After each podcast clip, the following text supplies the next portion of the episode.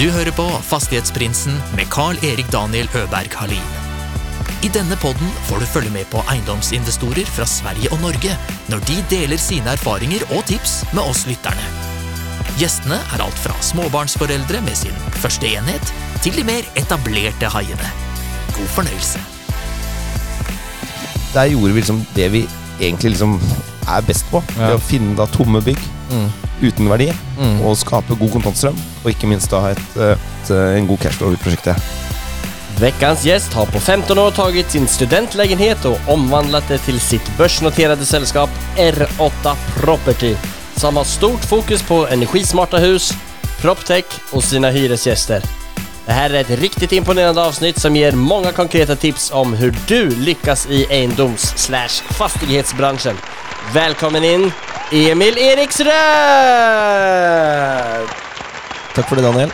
Veldig hyggelig å få gleden av å prate litt med deg i dag. Ja, tack själv. Det var eh, fint att få komma till era väldigt fina lokaler på Henrik Ibsens gate i Evolve. Takk for det. Det är litt klassisk sånn eh, eiendomssituasjon Eh, Bak deg, så eh, pussar de opp eh, era nya lokaler, eller eh, en del av lokalene. Det stemmer. Vi skal få et eh, lite hyggelig spisested da, som Four Service skal drifte for oss her hos eh, i Volvo i Henrik Ibsens gate. Så vi gleder oss til det. Både samfunnet åpner opp igjen, og restauranten åpner. Ja. Det, jeg fikk en liten tur der oppe i, i resten av lokalene. Det var veldig fint. Jo, ja, takk for det. Vi føler vi har fått et eh, bra konsept og blitt veldig fine lokaler her i, her i Henrik Ibsens gate. Ja. Emil Eriksrød starta R8 Properties. Det stemmer. Som jeg har skjønt, så er du i grunnen statsautorisert revisor. Din historie begynte egentlig med to leiligheter eh, under studietiden. Det stemmer. Første leiligheten den, eh, den kjøpte jeg da jeg flytta til, til Bergen for å studere på Handelshøyskolen der oppe. Ja. Og sen etter det så gikk det fort. Eller gikk det litt tregt, eller var det, ble, Nei, det jeg- det som gjorde at du ble biten i alle fall av Uh, Jeg, jeg tror nok de fleste vil si at det gikk, eh, gikk ganske fort. Mhm. Samtidig, på den tiden der, så var det ikke så hyppig som det, som det ble senere. Men uh, det er klart, jeg, jeg kjøpte jo første leiligheten jeg flyttet til Bergen. Mm. og det var jo da i 2005, hvor tiden, ting var veldig bra, og økonomien vokste, og, og ikke minst også boligprisene hadde en veldig fin utvikling. Mm. Spesielt i de store byene i Norge. Ja. Så jeg hadde jo den leiligheten der oppe i litt over et år. Mhm. eh, og, og den solgte jeg, men ble en veldig fin eh, fortjeneste på den leiligheten. Mm. Og, men før jeg solgte den, så hadde jeg allerede rukket å kjøpe en ny leilighet uh, i Porsgrunn. da Når jeg flyttet Ja. hjem og begynte å jobbe i Porsgrunn hos Ernst Young der nede. Mm. Og så fort jeg hadde flyttet inn der, så, så kjøpte jeg en tomt og begynte å, begynte å bygge den første tomannsboligen. Så det, okay. det skjedde, skjedde jo ganske mye da, da, den gang også. Ja, ja, det forstår jeg. For jeg, jeg leste at ti år senere så hadde du 30 000 kvadratmeter eiendom. Ja, det stemmer det. Det var vel i, fra den perioden øh, Jeg begynte å kjøpe, kjøpte den første næringsbygget i 2010. Mm. Og da, da det, begynte det å gå litt, øh, litt, litt raskere, da. Selv om Mm. jeg Det var vel først i sånn 2014-2015 hvor det liksom virkelig begynte å, begynte å dra seg til. Mm. Men også i, den, øh, i de årene der så, så ble det noen, noen kjøp fra, fra tid til annen. Ja, om jeg har eh, talt opp portføljen og prosjektene riktig, så sitter ni med ca. 24 eiendommer. Ja, det stemmer, stemmer i dag. Ni driver Evolve og ni driver Orbit Stemmer. og Erota Property.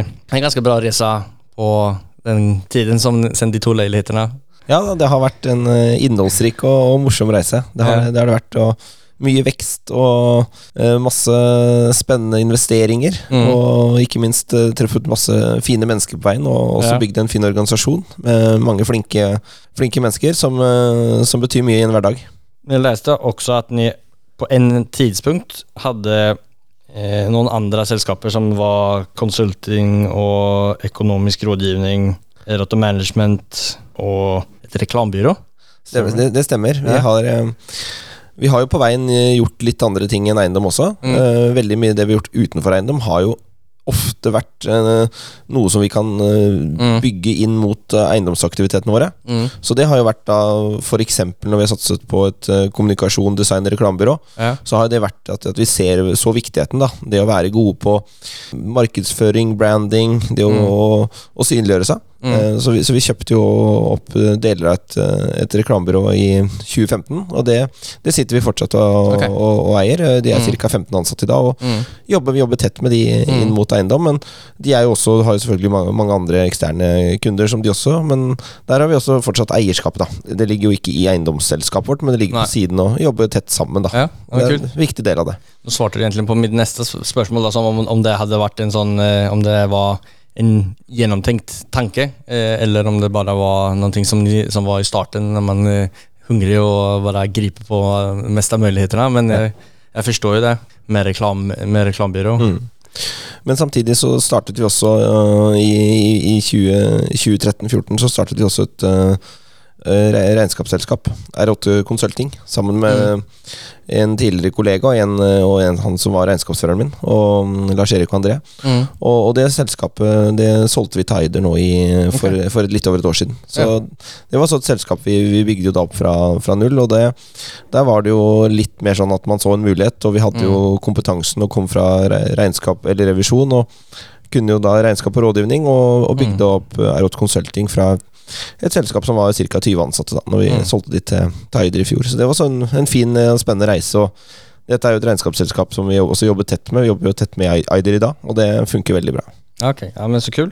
Om vi skal ta oss litt eh, tilbake til eller, Hva var stegen efter at du startet den eh, Eller at du sluttet med studiene, begynte med din tomannsboligprosjekt Porsgrunn? Stemmer, stemmer.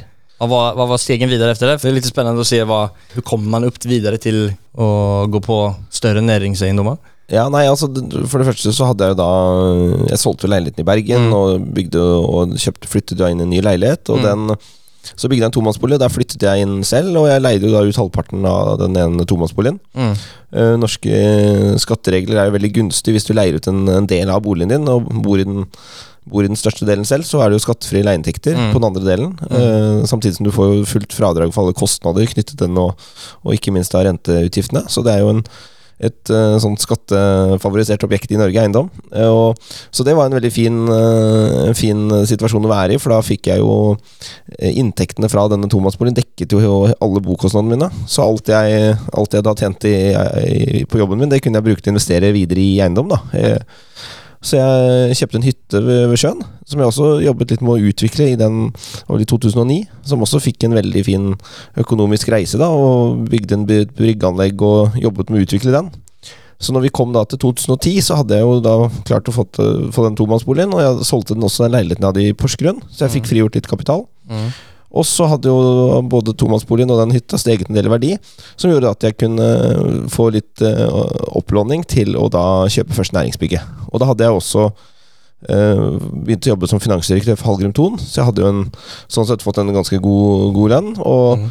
og hadde jo også ikke minst eh, kompetansen rundt meg da, Mm. i det miljøet hvor jeg jobbet tett med både Hallgrim Thon og Ole Engebret Thon, så var vi fine sparringspartnere å ha da, inn Mm. mot næringseiendom. Det er Olav Thons mm, Nevø, ja. nevø, Det Stemmer. Ja. Mm. Så veldig, veldig fint og lærerik periode å jobbe da i, i Haton Holding. Ja, det kan jeg tenke meg. Spennende og bra jobbet på ytterligere så kort tid, men hvor kom den tanken at eiendom er, greien, og uh, vart, tentes den gnistan innan deg? Jeg har nok alltid hatt liksom fascinasjon av eiendom. Jeg tror liksom Foreldrene mine har vært ganske opptatt av eiendom. Synes, Mm. Vi har snakket, alltid snakket mye eiendom, og det tror jeg ligger litt i det norske folket. Ja. At det er mange som syns eiendom er litt spennende. Og det er jo sånn i utgangspunktet det å kjøpe og selge bolig, det er mange som har et forhold til, og det er jo sånn relativt normalt og enkelt å kjøpe og selge bolig. Og så kan du da liksom dra det litt videre til tomannsbolig, og så ble det en hytte, og så Parallelt så hadde jo jeg um, fagkompetansen. Det å for i hvert fall det mye rundt det å drive med næringseiendom. Da kommer plutselig regnskap og skatt og merverdigift, en del sånne elementer inn, da. Mm. Som også var veldig greit at det, det, det kunne jeg jo fra Det hadde jeg både jobbet med i Ernst Young, og Mm. ikke minst når jeg begynte å jobbe for Hallgrim. Da fikk vi også da fikk jeg jo også jobbe mye med liksom selve næringseiendom som et bransje og som et fag. Da. Så jeg lærte jo også da det. Så da hadde jeg liksom Mm. alt det jeg egentlig trengte for å investere og utvikle, kunne jeg. Men, For de driver, Hall, Hallgrim driver med eiendom. ja, Mm. det er stort sett næringseiendom. næringseiendom, for det meste. Ja, ja men eh, du sa at for å trekke det tilbake litt, du hadde den kompetansen eh, å, å drive med næringseiendom. Hvilke om man skulle se på en tårtbit, eller kakestykke som det heter på norsk, hvilke liksom, egenskaper eller hvilke, hvilke er de største egenskapene eller beste egenskapene eh, som man må mestre for å eh, kunne drive med næringseiendom? Uh, nei, altså nå har næringseiendom blitt et, uh, et, uh, et, stort fag, og det er mange ting som er, som er viktig. Men det viktigste, tror jeg, da, det er jo å ha en, en god dialog med kunden din. Altså å kjenne leietakeren, jobbe med leietakeren. Ha en god relasjon til, til leietakeren din. Mm. Uh, følge opp de. Det, det, tror jeg er det, det, viktigste jobben vi som, som jobber med næringseiendom gjør. da Og så Selvfølgelig så må det være viktig å kjøpe de riktige eiendommene på de gode beliggenhetene. Sånn, men har du god, god kontroll med leietakeren og vet hva leietakeren din vil ha, så vil du og, og jobbe langsiktig med leietakeren din, så, så, er det veldig, veldig viktig. Er det ikke noen ting som alle gjør?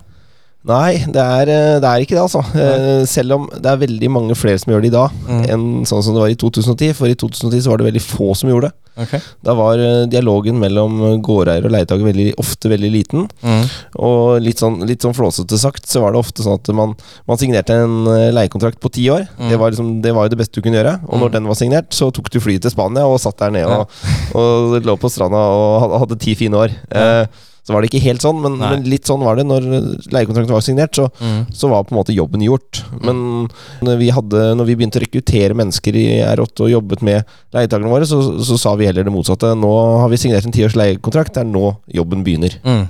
Ja, det så jeg sier det også. Det er en relasjon som skal pleies. Ja. Og spesielt som vi har merket nå i covid, så endres jo bedriftenes eh, behov eh, under tiden. Ja. Om man signerer et sånt tiårs leiekontrakt. Og så altså, si at Det har skjedd veldig mye i Norge de siste ti årene på mm. nettopp der. Da. Så norske utleiere har blitt veldig flinke. Så mm. i dag så er det morsomt å se hvor god bransjen er på nettopp der. Da. Så I dag så er det mange som har veldig god dialog, jobber godt med leietagerne sine. Og det, det, ser man jo også at det er masse flinke eiendomsbesittere og gårdeiere i Norge. Fram til eh, din første næringseiendom, hadde det vært spikrakt eh, rett opp, eller hadde du gått på noen eh, lærdom? Eh? Nei, altså, jeg, jeg, husker jo Jeg husker jo, jeg kjøpte jo da den uh, ene leiligheten i, i Når jeg flyttet tilbake til Porsgrunn og begynte å bygge den tomannsboligen. Og mm. det er klart, da, da, hadde jeg jo planlagt å selge den, den leiligheten. Mm. Og det var, da kom jo den perioden 2000 og 2008-2009, hvor ting øh, var, var, tøft. Og den leiligheten ble jo ikke solgt med en gang. Eh, så fikk jo jeg leid ut den leiligheten, så jeg hadde jo inntekter på den, og sånn, men, men det er klart, da var det da var det litt sånn øh, Oi, nå sitter jeg med en leilighet som jeg egentlig ikke skal ha, men det var jo for så vidt uh, på en måte en, en, grei For da begynte jeg å jobbe med å, å leie ut og, mm. og, skape inntekt på det jeg hadde. Mm. Så, og det endte jo veldig godt, for det, når vi kom, Norge kom jo kjapt tilbake mm. eh, etter finanskrisen. Og, og, prisene steg jo ganske mye igjen. Så det, det, ble jo Når jeg til slutt fikk solgt den leiligheten, så fikk jeg jo en veldig bra pris for den. Mm. Men det var litt, eh, litt, tøffe tider, og plutselig så så vi jo rentene steg jo. Den største renteøkningen var vel på 1,5 eh, eh, og de, de renteøkningene kom ganske tett en periode her, så det var jo det var litt sånn Du kjente det litt på kroppen da når du satt med både en tomannsbolig og, og en leilighet. da Og, og det var, var, mye usikkerhet i markedene. Ja. Kjenner du sånn usikkerhet nå mer, på samme sett? Nei, ja, det vil si nå, nå, føler jeg vel Jobber vi mye mer strukturert og riktig med den usikkerheten, da. Og, mm. Men det var godt å kjenne den første gangen på kroppen, som vi tidligere har fått meg liksom til å noe av det vi alltid har jobbet veldig mye med i um, R8 og alle investeringer, er jo diversifisering. Og det er et ord som jeg bruker veldig mye og jobber veldig mye med. Så det når, når vi gjør investeringer, det å se da på liksom, Alt starter med hvor bra er eiendommen, hvor er det mulig å selge, hvor god er leietakeren som er der. Hvis det kommer en krise, er det en, er det en statlig leietaker som fortsatt vil betale leie, eller er det en mm. nyoppstarta restaurant som nå under covid vil få det tøft? Eh, hvor mye egenkapital bør vi da ha inn i eiendommen? Bør vi gjøre en rentesikring av lånet? Etc., etc. Sånn at vi gjør veldig mange sånne vurderinger. Mm. Og både på enkeltnivå I hovedsak så blir jo dette da gjort nå på porteføljenivå, så at vi jobber helt strukturert da med, mm. med denne risikohåndteringen. Mm. Og, og, det er veldig, veldig, synes jeg er veldig spennende og morsomt å, å jobbe med. da mm. uh, Og vi ser jo sånn som nå vi har vært gjennom to krevende år med, mm. snart med, med, covid, og vi ser jo det å det ha en portefølje hvor du har eiendommer på ulike lokasjoner innenfor ulike bransjer med ulike leietagere.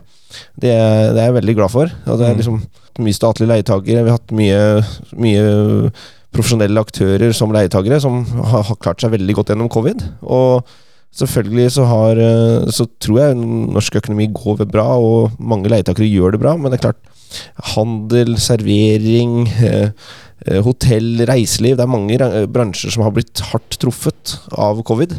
Så det er klart, da har det vært tøft, da. Så det er klart, hadde vi vært veldig kun vært eh, jobbet mot disse bransjene, så hadde vi hatt Mm. veldig krevende år eh, de vært gjennom. Men vi ser at vi har hatt perioder hvor de, de bransjene har hatt det tøft. Og da har vi liksom kunnet lete oss veldig mye på den andre, på resten av porteføljen vår, da, som er også er hovedtyngden av det, vi, av det vi besitter i dag. Finns det noen ulemper med å diversifisere, eller er det bare positive saker med det? Ja, nei, det er klart eh, Det er, det er helt klart også ulempen med det. For det klart, du, da må du jo ha eh, Du kan ikke bli best på alt. Mm. Eh, så det er klart Vi er vel, vil si av det vi jobber mest med, så er vi best på kontor. Eh, vi er ikke så gode på handel, hotell, leiligheter og alt det andre. Men, men vi føler at vi har en god forståelse og jobber også godt innenfor disse segmentene. Men vi kan jo ikke være best for alt, så det er klart eh, til mer man spisser seg, til bedre blir man på det man jobber. Mm. Eh, så har vi prøvd å spisse oss veldig mye på å jobbe med, jobbe med knutepunkter. Altså være til stede på knutepunkter. Og det er klart, der er jo ofte kontorer, eh, ligger ofte på knutepunkter. Og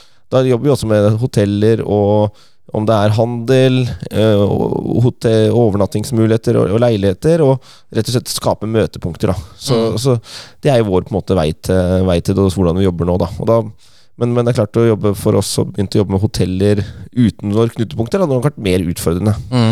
Men uh, føler vi lykkes veldig godt da med å skape attraktive plasser og se helhetlig på områder. Ja. For det er klart, skal et område leve, så det, kan det ikke bare være kontorer eller bare være et hotell. Da må du ha både sted å bo, leve, oppleve ting, jobbe og spise og, og alt som skal til. Mm. Så det er veldig, veldig spennende og inspirerende å jobbe med. Ja. Uh, I tillegg så har vi jo bare si også at vi har jobbet veldig mye med, med bærekraftige bygg Mm. og, og grønne, grønne bygg. Så det har også vært i kombinasjon da med knutepunkter, som, som er liksom vår vei og hvordan vi jobber nå.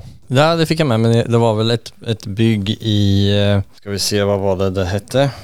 Tenker du på Powerhouse Telemark, eller tenker Ja, det var, power, det var vel et uh, Powerhouse uh, Telemark eller Porsgrunn som hadde en uh, miljøklassesertifisering som, som uh, jag inte hade hört förut, som det var vel Paris Stemmer. Stemmer, Ja. stemmer. Hva innebærer den? Nei, altså vi, Hva vad heter den? Nei, altså det vi jobber jo nå med Vi har jo bygget et, eh, et Powerhouse i Porsgrunn, Mm. Powerhouse Telemark. Mm. Uh, og så jobber vi nå med å Vi har prosjektert og jobbet med Snøta, og, Mm. og jobber nå med regulering av et eh, Powerhouse eh, i Tønsberg. Mm. eh, Powerhouse Tønsberg, som det har fått, fått navnet. Og der jobber vi også med å utvikle et helt kvartal rundt dette Powerhouset. Så hvor, Ok. hvor hele da kvartalet vil bli såkalt Paris Proof. Det er et ganske omfattende begrep, Paris Proof, men, Mm. men hele målsetningen og viktigheten av nettopp dette Paris Proof er jo å bygge i henhold til klimaavtalen da, som ble signert i, i Paris, som Mm.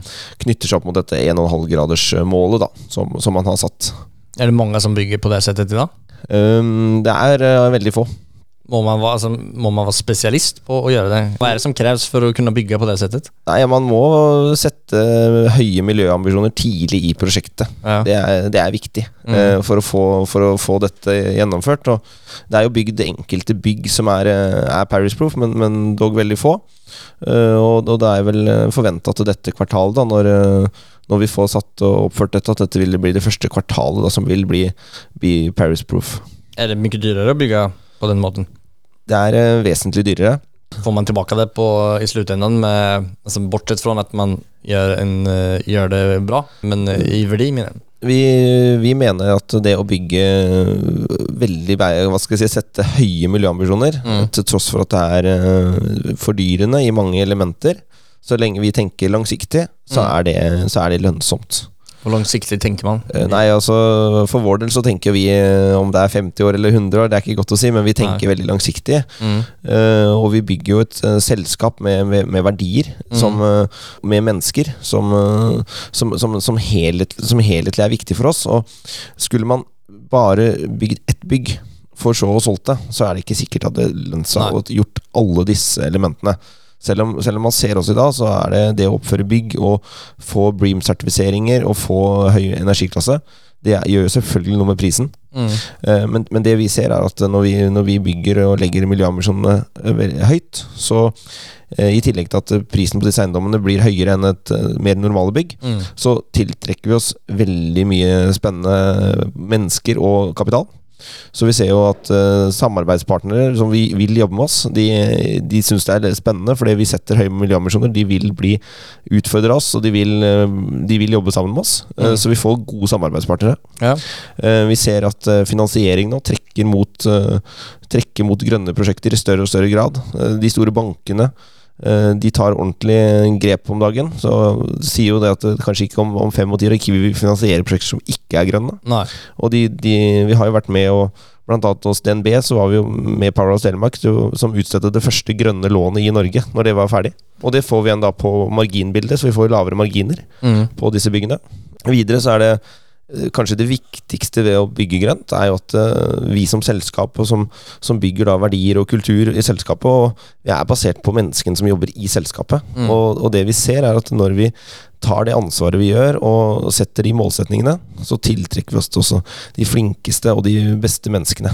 Og det er jo helt avgjørende for at vi skal nå våre mål. Mm. Det er å få de mest motiverte og beste menneskene til å jobbe sammen med oss. Mm. For da får vi eh, Så lenge vi har de beste og flinkeste ansatte, så får vi, da får vi tiltrekker vi oss de gode prosjekter, nye, gode samarbeidspartnere, og vi har det fint sammen, da. Og vi bygger og gjør noe som, vi, som mer gir en verdi da, for samfunnet. Er det det som er motivasjonen, eller har ni noen sånn mer faste mål, eller er det bare å bygge en kultur, en, eh, et selskap som har som ambisjon å eh, gjøre det godt eh, miljømessig og utvikle innom teknologi? For ni har jo både Orbit og Evolve i Rotta Property, og ni er vel på vei å teste litt i USA med, med den Orbit? Det, det stemmer. Vi, vi jobber jo liksom, hva skal jeg si, veldig helhetlig med den uh, eiendomsbiten vår, og er jo liksom opptatt av arbe, spesielt arbeidshverdagen og kontordagen til, uh, til menneskene. Og uh, målsetning for oss og våre ansatte er jo at vi er glad i å vokse, og vi er glad i å positivt påvirke samfunnet vårt eh, med, med gode ting, og, og, og stå for det. Og det er klart, med, med Volv så bringer vi veldig mye mm, Alle disse lokasjonene vi bygger og sånn, så tilbyr veldig mye fleksibilitet eh, inn i arbeidsmarkedet, eh, hvor da folk kan jobbe på kryss og tvers av lokasjoner.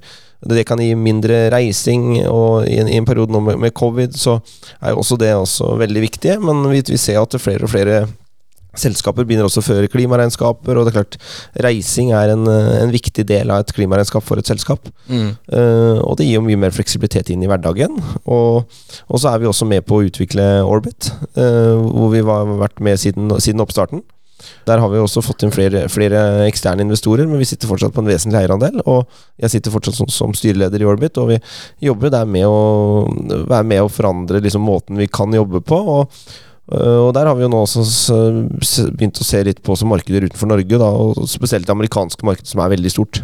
Kan du berette litt om hva Orbit er? Ja, uh, Orbit er en, uh, det er en teknologisk plattform for bruk av uh, næringsbygg. Så Et veldig godt eksempel på liksom, hvordan jeg oppfattes som gårdeier, da, er jo at når, når vi kommer inn i et, et nytt bygg, så får du gjerne et nøkkelkort eller en brikke eller en app for å komme inn i bygget. Uh, og når du først har kommet inn i bygget, så må du ha et nytt system for å booke et møterom. Når du kommer opp i kantina, så må du åpne et nytt, eh, system for å betale. Eh, Du må koble opp på internett. Det er mange ting du skal gjøre med en gjennom arbeidshverdag, som hvor ofte er løst på analoge måter. Mm. Eh, men, men med Orbit så integrerer vi alle disse eh, elementene i én og samme app, som også da funker på kryss og tvers av alle bygg. Så hvis når jeg kommer inn her i Henrik Ibsens gate i dag, så så lenge jeg har mobiltelefonen i lomma og er en Orbit-bruker, så, så lar den meg komme Da har jeg tilgang til den lokasjonen her, så da slipper jeg å ha med noen nøkler. Mm. Uh, og jeg kan booke møterommet på veien opp her, og, ha, og da sikre meg, sikre meg møterom, booke det. Og jeg kan også legge til tilleggstjenester som bl.a. mat eller andre ting som jeg måtte ønske meg i løpet av en arbeidshverdag. Altså, hvilke eiendommer er det som kan uh, legges til i det Orbit? Det er både Altså sånne Evolve-aktige co-workingsbygg. Og, og hvis man vil leie ut sin egen næringseiendom eller Helt, helt riktig. Og, det jo, og det er jo det andre spekteret av det. For det ene er jo liksom vanlig drift av vanlig næringsbygg, hvor du liksom da har en plattform for bruk av bygget. Og så kommer jo nettopp det du sier, ikke sant? at uh, vi, vi, kan jo legge her, legge her på alle alle, vi har jo lagt på alle våre lokasjoner. Og Evolve har jo også, altså R8 Property har flesteparten av sine lokasjoner inni der. Så alle brukerne da til R8 Property vil jo sånn sakte, men sikkert kunne få gradvis da til også å bruke andre lokasjoner hos R8. Få tilgang til å komme inn hvis de, hvis de ønsker det. og og har behov for det. Og i tillegg til alle Evolve-lokasjoner, mm. som vi også da legger ut på Jobber nå med å integrere hele Evolve-plattformen med Orbit. Samtidig som vi jobber også med andre Flexpace-operatører og andre gårdeiere. Okay. Så at nettverket da blir, blir veldig stort. Jeg, jeg var inne og kikka litt både på Evolve og Orbit eh, innenfor denne eh, praten, og jeg ble jo forvånet over hvor rimelig det ennå er å leie, eller få tilgang til eh, en arbeidsplass ja. på såpass mange lokasjoner. Og, og, det, og, det, er det vi har sett, og da kommer vi liksom litt til kjernen i også det Orbit eh, søker å løse. Ikke sant? At til enhver tid så står det veldig mye tomme mm. eh, møterom og lokaler eh, rundt omkring. Mm. Og, og, bransjen har jo de siste årene Det, det har jo blitt bygget mye, med, mye, mye næringslokaler. Eh, og vi har, det er gjort masse undersøkelser på det her. Og nå har det vært to veldig spesielle år med covid, men før covid så viste det seg at lokaler var i bruk ca. 50% av tiden. Det gjelder da møterom, arbeidsplasser. Og det er klart, istedenfor å få opp bruken av det, så har jo markedet bare Vi har fortsatt å bygge og bygge og bygge. Mm. Og det er klart det er mye mer bærekraftig også å, å utnytte de ressursene og tomme lokalene som står rundt omkring, enn en bare det å bygge nytt. Mm. Og, og, det er det jo mange andre som har sett også. Og det største samarbeidet vi har i Norge, er jo med Obos, som da har lansert Obos nærkontor. Har bygd om veldig mange av sine førsteetasjer nå rundt, okay. rundt uh, i første runde nå her i Oslo. Mm. Hvor de bygger om da til, til kontorer, så at beboerne i området mm -hmm. istedenfor å reise til jobben eller kanskje sitte på hjemmekontor med, mm. hvis du har det er ofte greit å komme litt ut og skal ja. sitte og konsentrere seg og jobbe, eller kanskje få et digitalt møterom. Ja. Så kan de da gjennom Orbit booke disse og få tilgang til disse, digital, disse, disse møterommene da rundt om i nærheten av der de bor.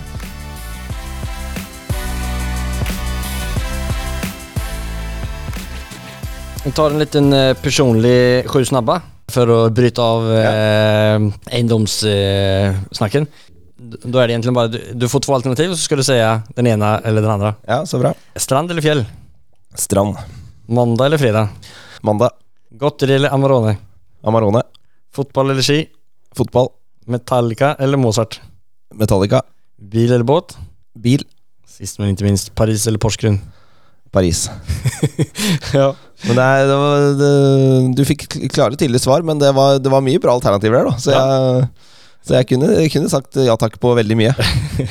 ja, Men du er litt interessert i fotball? eller? Ja da, jeg er veldig ja. interessert i både fotball og ski. Syns jeg er spennende ja. å se på begge. Både se på og ikke minst både spille og gå på. Da. Ja. Om vi skal gå tilbake litt til eiendomspraten. Om du hadde fått starta om i dag, du har den kunnskapen som du har i dag. Du sitter med den leiligheten i Bergen og har en 500 på kapitalet. 500 000 på kapital, hva, hva skal du gjøre da? Nei, Hvis jeg hadde vært i den posisjonen igjen, så det, det, er, det der er et vanskelig spørsmål, og det blir jo mm. veldig teoretisk. Og jeg tror nok eh, jeg, jeg, føler på en måte den veien jeg har gått, har uh, vært veldig fin å gå. Mm. Kan nok hende at jeg hadde tidligere jobbet meg inn og sett verdien av det å jobbe i markeder som, som, stiger mer. For jeg startet jo i, i Grenland, som var et uh, utfordrende område å, å jobbe i. Mm. Og bygge, har jo bygd opp uh, selskapet derfra. Mm. Og, og, det er klart, uh, når man ser hvordan boligprisene har utviklet seg, kanskje spesielt i Oslo-regionen, så er det klart, det, det kunne nok gitt en større fart fra starten av. Av at verdiøkningen mener du hadde ja, vært betydelig ja, Verdiøkningen har vært uh, stor, mye større her inne. Mm. Samtidig så har det vært uh, veldig takknemlig og glad for å bygge opp et selskap da, fra, fra det der hvor jeg opprinnelig er fra. Ja. Og og det gir nok mer en mening for meg privat, og syns det er veldig fint at vi fortsatt har et hovedkontor i Porsgrunn, og nå kan mm. bygge, bygge, fra Porsgrunn og, og, ut i verden. Og kanskje er vi snart i Paris. Ja, men du, du, du, var inne på noe der, at du kanskje hadde tenkt å, å, å hoppe på en marked som øker merverdi. Det er jo økt verdi versus eller kombinert med cashflow, som mange investorer prater om. Ja. Noen har veldig sterke meninger om det ene eller det andre, og at man kanskje eller den trenden som jeg ser er at mange starter med eh, cashflow lite sånn ut, eh, inte i de største byene, for det er jo kanskje vanskeligere å få de typen av lån. Men er det bare det det handler om? At det er vanskelig å få de lånene? Det er klart det har blitt eh, og Markedene har jo også strammet seg betydelig til. da altså, Mm. Det var jo eh, Jeg skal ikke si det var lett å få lån for ti år siden jeg Nei. gikk til, i første bankmøte, men, men det var litt lettere Det var litt lettere å få lån i 2010 enn det det var i 2020. Til, eh, og litt, litt, du kunne gå inn med litt mindre kapital den gang enn den man må inn med nå. Mm. Samtidig som jeg synes det er veldig Ser jo at tilgangen på kapital i eiendomsmarkedet nå det siste året har kanskje vært litt annerledes. Da, hvor nå er det veldig god tilgang til kapital, og vi Mm. ser at det er kommer inn nye aktører som, som satser, og det syns jeg er veldig bra. Uh, og bankene er eh, villige til å, til å satse på nye mennesker, og ser det kommer opp uh, mye yngre mennesker også som, som ønsker å satse, og det syns jeg er veldig positivt. Jeg ser jo det når vi er i, i transaksjonsprosesser, at det, at, det, at det skjer litt i bransjen, så det syns jeg er veldig bra. Mm. Uh, men jeg vil nok si at uh, det viktigste er nok uh, vil nok alltid være likviditeten og cashflowen i prosjektene. Mm. Det, det å kunne ha overskuddslikviditet til å både til å både betale litt avdrag og selvfølgelig alle kostnadene, det er kjempeviktig. Og, og det er jo alltid det vi har jobbet mest med ut er at eh, likviditeten og kontantstrømmen i prosjektene skal være god. Mm. Samtidig så er det jo det å, det å skape verdier gjennom kontantstrøm, det, det tar veldig lang tid. Mm. Så, så det vi har gjort, er jo at vi har eh, prøvd å finne vanskelige og utfordrende og, og prosjekter sånn at det har vært mulig å, å få en god kontantstrøm, men samtidig utnytte en mulighet som, som ligger der. Så vi har jo stort sett gjennomgående når vi kjøper bygg, sånn Mm. var det i starten, og sånn er det fortsatt, så er det gjerne bygg som, som det er et potensial å øke verdien på, i tillegg til at da kontantstrømmen eh, er ok eller, eller, eller, eller bra. Og så kan det godt være- gjerne være nå at eh, vi går inn og kjøper bygg da hvor kontantstrømmen isolert sett er dårlig, og vi må gjøre grep for å, for å bedre denne, men da har vi en god plan for det før vi gjør investeringen. Kan du gi, gi noe eksempel på ser en mulighet til å øke kontantstrømmen? på?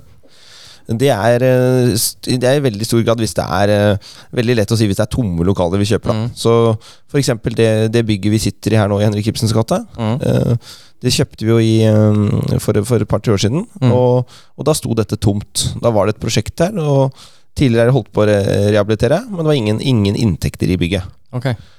Og da så vi at det, her, det bygget her tror vi at vi skal klare å leie ut. Mm. Så, vi, så vi tok tak i det. Vi kjøpte bygget, Mm. og i løpet av eh, et halvt års tid så hadde vi leid ut både alle kontorene og ikke minst da restauranten her i første etasjen. Mm. Og det er klart, når du øker leieinntektene på et bygg fra null til ca. 6,5 millioner kroner, Mm. så gjør det ganske mye også med verdien. Ja. Så da får du liksom et bygg som du får verdiøkningen, i tillegg til at du får en god kontantstrøm. Ja. Og da kan du jo Da har du jo også skapt litt av egenkapitalen gjennom dette. Og da kan du jo velge om du vil selge prosjektet og ta ut den uh, gevinsten, Mm. eller si, fortsatt sitte med et prosjekt hvor du da har en fornuftig inngangsverdi og, og egenkapital, Mm. samtidig som likviditeten er god. Mm. Men liksom i startskedet når man ser den muligheten kommer opp, hvordan fungerer de mekanismene der når man ser, her er det et bygg som ikke er, eh, har en enda leietagare. Mm. Eh, hur säger man det till banken att eh, ja, den, här, eh, den här tror jag får, får upp intäkterna på? Ja, nei, og, For det første så har det igjen den, eh, Det viktigste vi jobber med, som jeg sa litt innledningsvis, det er den relasjonen vi har til kunden. Ja. Så for oss så starter det gjerne der. At Mm. vi snakker med kundene, vi snakker med markedet. Mm. Og så vet vi hvor det er trykk i markedet, eller hvor vi har en leietager som ønsker å lokalisere seg. Okej. Og så, når vi da er ute i markedet hele tiden, Mm. så kommer vi over disse eiendommene, hvor vi ser at oi, her er det en ledig eiendom. Og så sitter vi da med, eh, med markedskompetansen, og kanskje ofte, ofte, ofte så har vi også leietageren på hånda. Ja. Så ser vi at da ønsker vi å kjøpe det bygget her, og så tilpasser vi da det bygget til den leietakeren vi allerede har. Når du sier at du er ute i marknaden og tar pulsen og, og skaper kontakt, altså, hva, hva, vad ligger i det? Nei, det er, det er flere ting. For det første så snakker vi jo veldig mye med leietakerne våre. Mm. Den nå har vi jo bygd opp en portefølje, så i R8 Property så har vi vel ca. 250 leietakere i dag. Mm. Også hvis vi tenker i Evolve, som er jo nærmer seg vel ca. 2000 medlemmer, Mm. så har vi jo en stor brukergruppe som vi hele tiden snakker med. Mm. Så det å snakke med leietakerne våre hele tida, og plutselig så er det en leietaker som skal satse i Ja. f.eks. satse i Stavanger eller Mm. satse her i Oslo, og så har vi da dialogen med de, så det er jo, det er jo ett element. Og det, det er jo veldig sånn vi jobber i R8 Property, da, med de store, største leietakerne våre. Når vi ser de trenger nye lokaler, Ja. eller at vi bare jobber med relasjoner. Og vi får jo ofte henvendelser fra aktører som ønsker Som sier at de ønsker å leie lokaler av oss også, Mm. eh, og spør om vi har noe tilgjengelig på enkelte steder. Og da kan vi også gå i search med leietakerne våre for å finne lokaler som vi skal bygge til de. Mm. Så det er jo sånn vi alltid har jobbet. Og så har vi, etter at vi kjøpte opp Evolve og utviklet det videre nå, så har vi jo nå nærmer vi oss ti ansatte i Vold, hvor hoved, hovedvekten av disse er jo hele tiden ute og snakker med kundene våre ute i markedet, får nye, får nye medlemmer. Mm. Så det er det vil jeg si er en veldig viktig del av det nå, for nå er vi ute i store deler av på Østlandet og, og i Stavanger, hvor vi hele tiden, hver eneste dag, snakker med eh, markedet. Så vi er liksom har pulsen på hele tiden.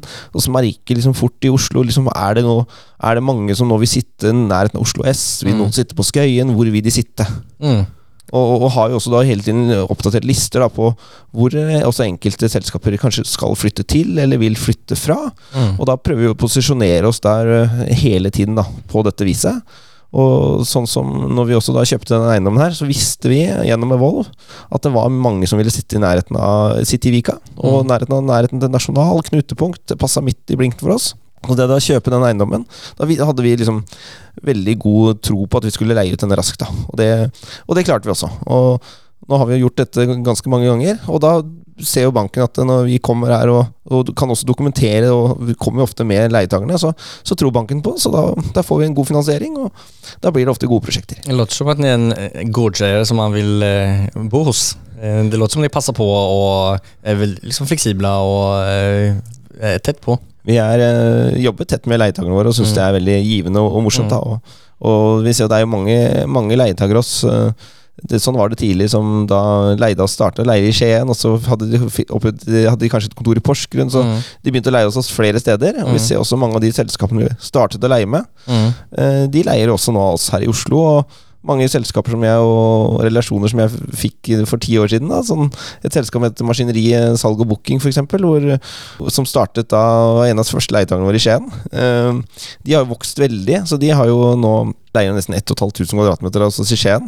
Eh, og de har jo også da satset her i Oslo, så de har jo da til tider brukt Evolve veldig mye her inne. da. Ja. Det er jo veldig morsomt da å, å kunne jobbe sånn langsiktig sammen med Ja. selskaper. Bra jobbat. Riktigt imponerande hur ni har fått till eh, hela dynamiken. Det verkar som ett väldigt härligt företag som du har byggt upp. Ja, det syns vi har fått eh, Sammen med alle de fine menneskene vi er nå, så har vi bygd et eh, selskap som vi er stolte av og syns er morsomt å jobbe med. Ja.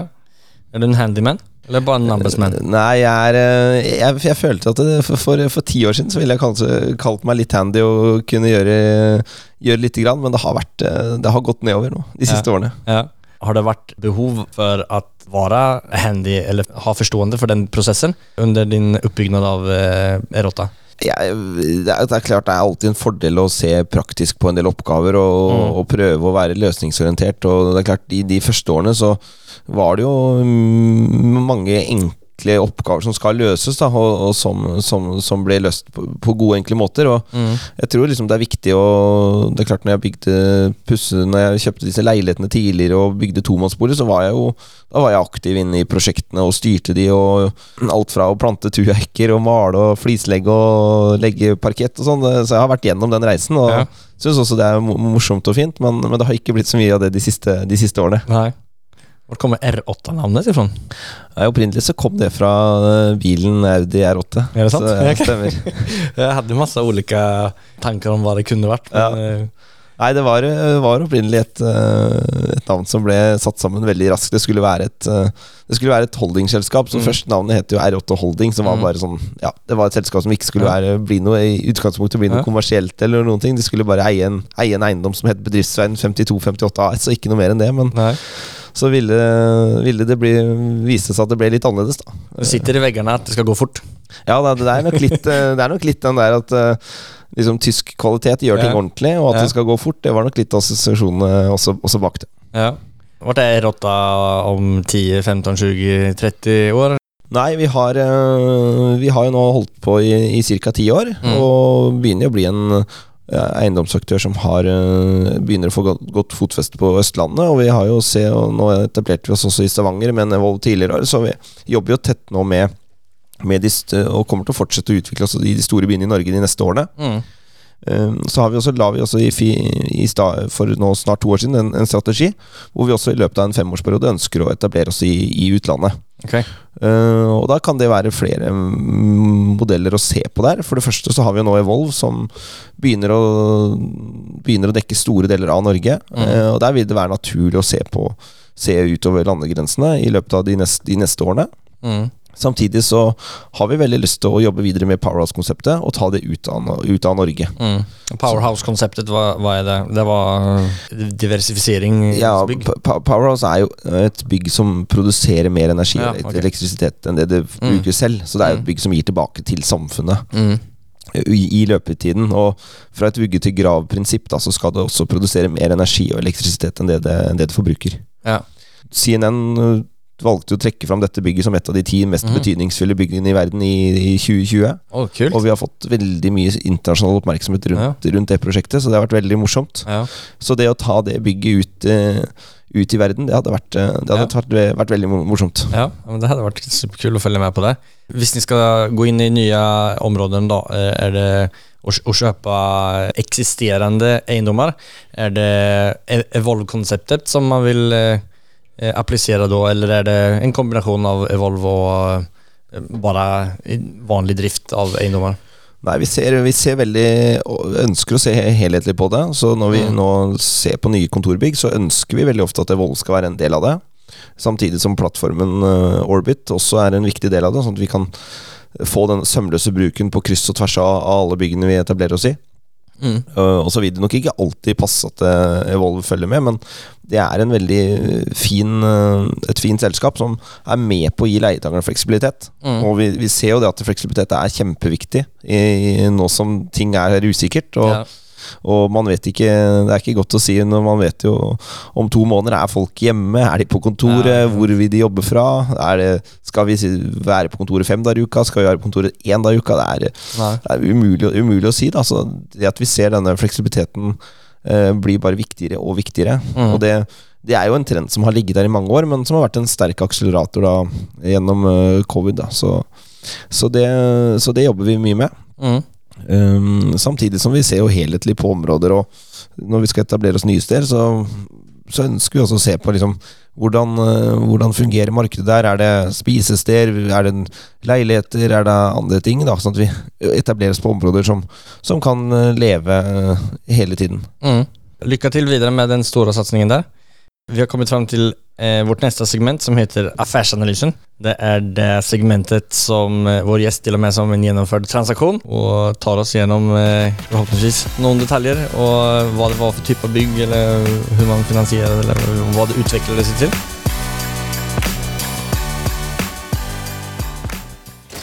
It has not been easy for me. And, you know, I, I started off in Brooklyn. My father gave me a small loan of a million dollars.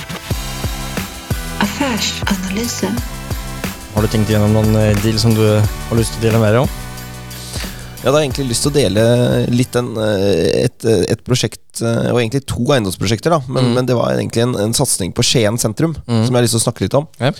Um, og det var uh, Skien, Skien sentrum, som på lik linje som veldig mange byer i Norge. De opplevde jo i, i, i den tiden fra kanskje 2005, 2010, 2015 en, en veldig sterk nedgang. Mm. Eh, mange kjøpesentre ble bygd utenfor byen og tok eh, veldig mye av næringslivet og eh, handel ut av byen. Det var veldig trist, for det gir liksom få mennesker rundt i byen og tomme næringsarealer og gågater. Det er, Mm. det er ganske Det er ikke sånn vi vil ha det. Nej. Eh, og så begynte vi tilfeldigvis i, i 2015 å se litt på Skien sentrum. Mm. Og da, da kom vi over eh, Det var masse tomme bygårder. Eh, Så først så, så vi en eiendom som het Sentrumsgården. Som er en, en, har vært en veldig kjent eiendom i Skien. Ligger midt i, midt i, midt i byen. eh, 50 meter fra kollektivknutepunktet. Var det en kontorslokal? Det var Opprinnelig så har det stort sett vært kontorer, men også vært en kafé der tidligere. Eh, veldig, både moren og faren min hadde jobbet i bygget, og veldig mange andre s- bygg på ca. 3000 kvm. Så det var ikke så stort, men veldig mange hadde jobbet der. Det var som Skatteetaten hadde vært der. Det hadde vært ulike restauranter, det hadde vært eh, handel i første etasjen, det var Danske Bank, eller den gang så var det Bøndenes Bank som hadde, som hadde vært eh, leietaker der. Så det var mange sånn, kjente leietakere etter tingretten hadde holdt seg der i mange år. Mm. Eh, men så hadde bygget, hele bygget så tomt i åtte år, Oi. når vi begynte å se på det i 2015. Okay. Og så begynte vi å jobbe litt med leietakere. Mm. Og det var eh, Og det var eh, Så det at det var noen som ville flytte til byen. Så, Men uten, uten noen leietakere så kjøpte vi et eh, bygg da, tomt bygg, som så Det var kanskje et Kanskje det styggeste bygget i Skien sentrum. Og det hadde ikke vært noen i, som jobbet i bygget på åtte år. Så, og deler av bygget har stått tomt i 20 år. Oi. Så det, det var ikke bra. Eh, og Men tenkte litt kjærlighet. det, treng, det trengte veldig mye kjærlighet. eh, helt riktig. Og det sier jo litt at eh, vi, vi ga 10 millioner kroner for det bygget, på 3000 kvadratmeter. Så det, det sier jo litt Ja. om tilstanden, både til bygget, men også til hvordan det var i sentrum. Det var ingen som ville satse der. Nei. Men vi kjøpte det bygget i starten av september 2015. Mm. Og da var det bare å eh, Det her var jo en stor satsing for oss å kjøpe et tomt bygg i byen. Og folk bare ja, nå, nå, nå har de blitt for, se, Nå har de blitt for, så for stor tro på seg selv, og, de, og, og, og, ikke minst på Skien. Um, men da eh, gikk vi ut og begynte da å jobbe med en gang med arkitekter, entreprenører og ikke minst leiedagere. Og vi hadde noen vi hadde jobbet litt med, men vi hadde ikke signert noen leiekontrakter på det tidspunktet. Eh, Men da i løpet av det, slutten av det året så klarte vi å signere leiekontrakter for hele bygget. Så største leietaker var A-media og Telemarksavisa som, som signerte, men også med to um, handelsaktører i første etasjen. Mm. Og, og vi bygde og fikk rekrutteringsselskaper og et advokatfirma oppover i etasjene, så det var veldig positivt. Og da i august 2016, altså elleve måneder etter at vi kjøpte bygget, Mm. så åpna vi bygget. Da var det totalrenovert. Mm. Vi investerte denne gang ca. 11 000-12 000 kroner per meter, og det var, det var da det lå på det nivået da det lå i, i, i Grenland på den, på den tida. Mm. Men vi fikk da tok ut alt av etasjene og renska bygget. Mm. Og så bygde vi opp da med nye etasjer innvendig, alt nytt teknisk, ny fasade. Og bygget ble kanskje nå et av de fineste byggene i Skien. Mm. Så det var en ganske morsom ting å gjøre på, på så kort tid. Ja. eller Elleve måneder. Totalrehabilitering, fylle et bygg med leietakere. Fra null til tre millioner, eller 3,5 millioner i leieinntekter. Mm. Så det, der gjorde vi liksom det vi egentlig liksom er best på. Ja. Å finne da tomme bygg Mm. uten verdi, Mm. og skape god kontantstrøm. Og ikke minst da et, eh, et, eh, en god cashflow i prosjektet. Hva var det som gjorde at dere klarade av å få til det og inntil tidligere eier eller noen annen eh. Vi var tett på markedet. Snakke med kunden ute hele tiden. Mm.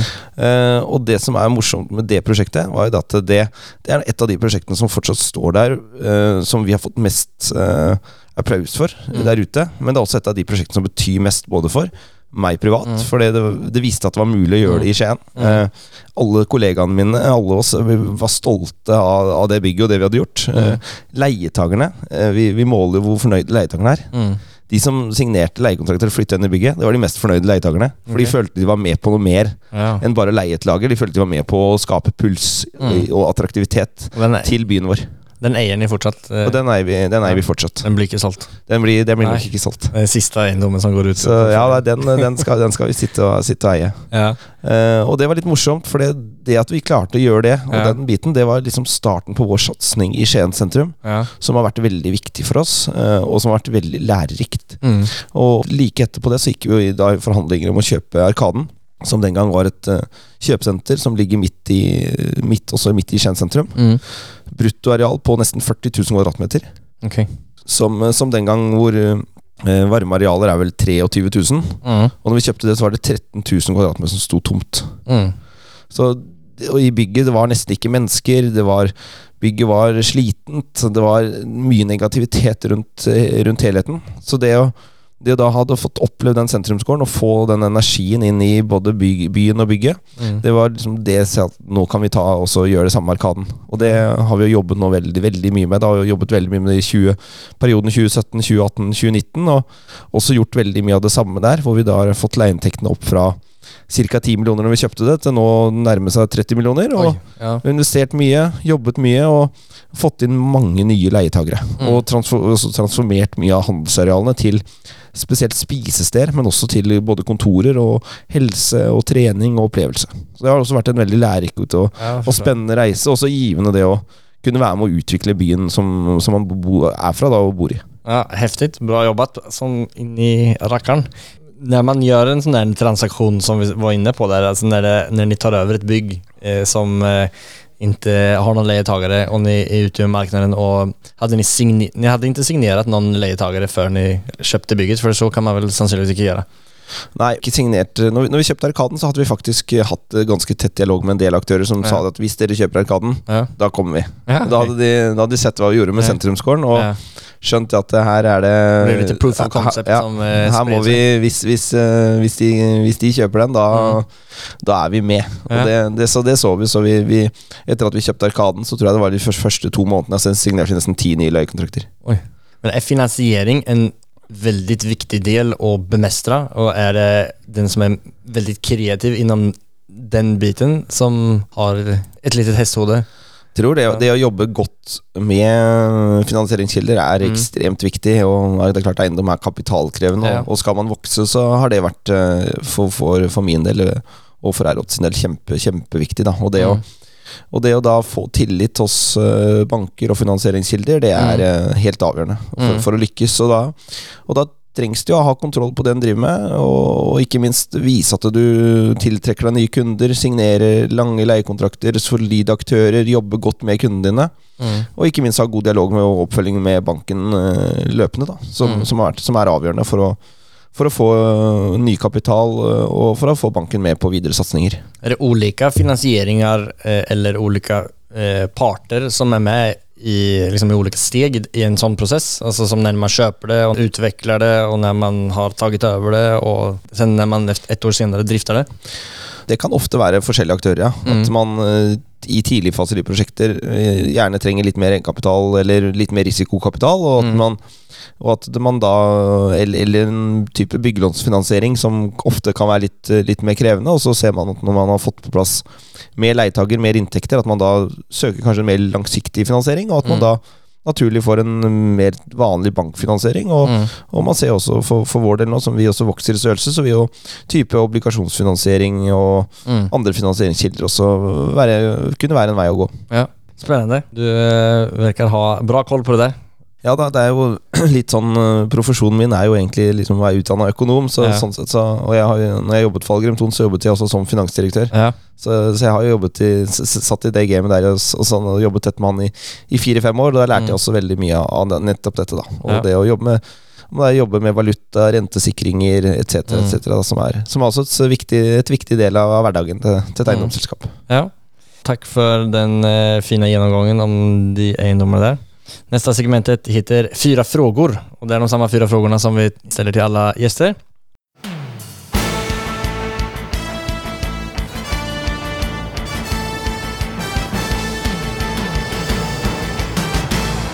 Cuatro preguntas.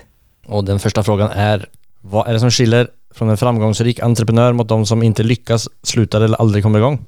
Jeg tror det er ekstremt viktig å gjøre noe, og, og trykke til å gi gass. Mm. Og du må være modig. Mm. Og det er veldig mange som eh, sier at de har lyst til å gjøre det, og det, de må lyst til å gjøre det, men man må være handlekraftig. Man må det sette seg i sin rotta og och gasa på. Ja, er, eh, gi, gi gass. Det er Ja. viktig.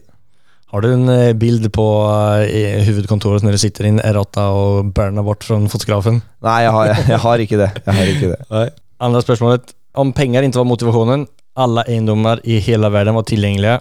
Hvilken hadde du forvervet, og hvorfor? Da tror jeg jeg hadde kjøpt uh, Powerhouse Telemark. Ja. Uh, det er et uh, betydningsfullt bygg som Mm. er med på å dra og pushe Mm. verden eh, videre. Ja. På, og når vi ser så mye utfordringer vi skaper for verden, så er det klart Mm. eh, Bygg og anlegg står for ca. 40% av verdens energiforbruk. Så det å jobbe bra med nye bygg, det er viktig. Kult. Tredje spørsmålet da. Har du bra boktips for en som er interessert i eiendomsinvestering? Hvis ikke det, har du en eh, bra bok generelt? Um, det er veldig få liksom, gode bøker om akkurat eiendomsinvestering, Ja. men, men det som eh, Det er en bok som jeg nettopp leste, som jeg, var, som jeg fikk tips om, som jeg syns var veldig bra. Den heter Mm.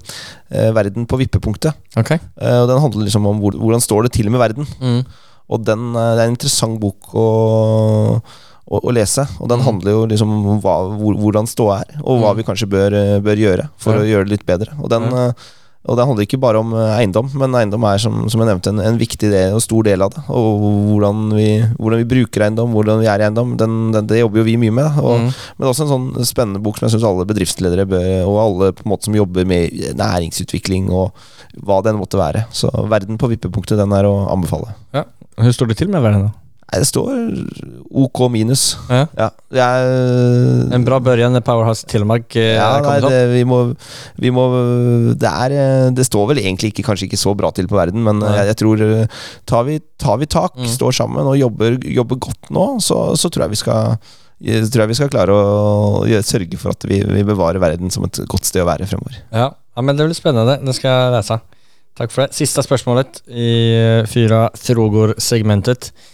Nämn det mest storartade, morsamma eller minnesvärda måten du har feiret en gjennomført affär eller seier på. Uh, ja, Det tror jeg var den gangen vi, den gangen vi kjøpte Arkaden. Eh, For da husker, jeg, da husker jeg veldig godt at vi Da var vi jo litt Da var liksom Vi var ikke så mange ansatte. Det var, når vi gjorde ting, så var det liksom Vi var åtte-ti stykker da som var litt sånn ordentlig trøkk i oss. ikke Mm, sant? Og vi hadde mm. jobbet med Arkaden over lang tid. Og, og det var jo en kjempetransaksjon for oss. Og, og da husker jeg at vi, vi sto eh, jeg, jeg sto inne på rommet og snakka med, med megleren og med banken, og jeg fikk en siste bekreftelse at eh, vi fikk gjennomslaget. gjennomslaget. Og, og kunne godkjenne kjøpet, og vi fikk det. Mm. Og, og da snakka jeg meg ferdig med banken, og hadde jo den sinnssykt gode følelsen. Og da sto det syv-åtte kollegaer på utsiden av rommet. Så, jeg, så la jeg på, og så åpnet jeg døren, og så fortsatte jeg å prate. Mm. Og så latet jeg da som om det ikke gikk gjennom. Så jeg fikk liksom De syv-åtte som sto på utsiden, de var da Fader, nå gikk ikke det her gjennom. Ikke sant? Og så sa jeg bare at jeg snakker ikke med noe lenger. Dealen gikk gjennom, og da tror jeg vi, Da ble det så mye rush i det alle. Så jeg tror vi, vi hoppa opp på pultene. Jeg husker jeg, jeg slo i bordet, og brillene mine føk vegg- veggimellom og knuste. Og det var en, en enorm energi som bare skulle ut av en, egentlig en stein gæren gjeng på en, på, en, på, en, på, en, på en sen eh, torsdag ettermiddag. Så det, da ble det ordentlig, ordentlig stemning på kontoret. Hyling, og vi var helt, ja, Så det var deilig. Det forstår jeg. Et bra minnes, eh, minne. Ja. Og, och då det virkelig tok av, låter det som. Ja da, da var det, da var det god stemning. Ja, ja men kult. Nå bør vi nærme oss eh, ferdige. Vi er vel eh, ganske spot on på tiden i forholdene til eh, ditt eh, teite schema. Ja, det passer, passer bra det med en times tid i dag. Ja, men tusen takk for at du tog deg tid og at jeg fikk komme hit og se på era fine lokaler og snakke litt nerder imellom eh, om eiendom. Ja, ja, takk for det. Jeg synes, eh, Det er jo ikke noe bedre å snakke om en eiendom, så det synes jeg var kjempemorsomt at jeg fikk lov til å komme og fortelle litt om hva jeg har gjort, og hvordan Ja. jeg tror ting blir fremover, og hvordan- vi skal jobbe. Ja, men det setter jeg og lytterne veldig stort pris på. Før vi låter de springe iväg, om du hade kastat vidare bollen till en branschkollega som skulle vara med och bli intervjuad här i framtiden. Har du någon eh, som du tror hade varit intressant för våra lyssnare att höra? Ja, det er, det, er mange, det er mange flinke mennesker og mange spennende mennesker som jeg tror du, du kan snakke med de kommende årene. Men det jeg syns er så positivt, er at det er kommet veldig mange også jenter og kvinner inn i Mhm. bransjen. Ja. Uh, så jeg ville kanskje anbefalt deg å tatt en prat med Karoline Krefting. Ja. Som er en superflink uh, dame, jente, som har kommet inn og virkelig liksom satt uh, fotavtrykk. Og leder jo også den uh, styreleder for Unge Næringseiendom. Som er en viktig plattform for, eh, og sted for eh, unge i, og de nye kommende i bransjen. Ja. Som, eh, som hun jobber veldig tett med. Mm. Samtidig som hun gjennom Karusell har jo veldig mye av ansvaret for det som skjer i Bjørvika og på bygulvet. Mm. Hvor de har fått utrolig mye, og det skjer veldig mye spennende. Så det, der tror jeg det er veldig mye moro ja, du kan snakke med Karoline om. Superspennende. Takk for den tipset. Da skal jeg ta kontakt med Karoline og si om hun har lyst på en eiendomsprat. Så bra. Så bra. Nej, men Takk så jättemycket. Nå er klokken eh, helt på på avtaltid så må jeg låte deg springe herifra. Takk for det. Takk for det. Da får du ha en fin dag så høres vi. Takk det samme. Ha det bra. Wow! Det er så inspirerende å høre Emil berette om hvordan han stegvis bygde opp seg fra en leilighet til å bygge två enhetshus for å sedan skapa verdi på byggnader som ingen har tro på til å bygge hus som blir uppmärksammade av CNN på grund av sitt miljöavtryck. Den viktigaste nuggetsen jag tar med mig är det konstanta arbetet med eksisterende og potentiella hyresgäster som er med å skape så fantastiske muligheter som du gjorde i Skien så klart är med å bibehålla og styrke sine relasjoner. Jeg tror at mange av vi lyssnare også kan relatera til denne episoden og få se inn i glaskulan hur det kan bli om ni har uthållighet og disciplin. Jeg er i alla fall supermotiverad og skal nå med min begränsade bilkunskap som plikttrogen student göra första steget för att lyckas som Emil. Byta namn på mitt holdingsällskap till Fiat Uno. Tack för att ni lyssnar. Gå in och dela era tankar på Fastighetsprinsens Instagram. Ha det!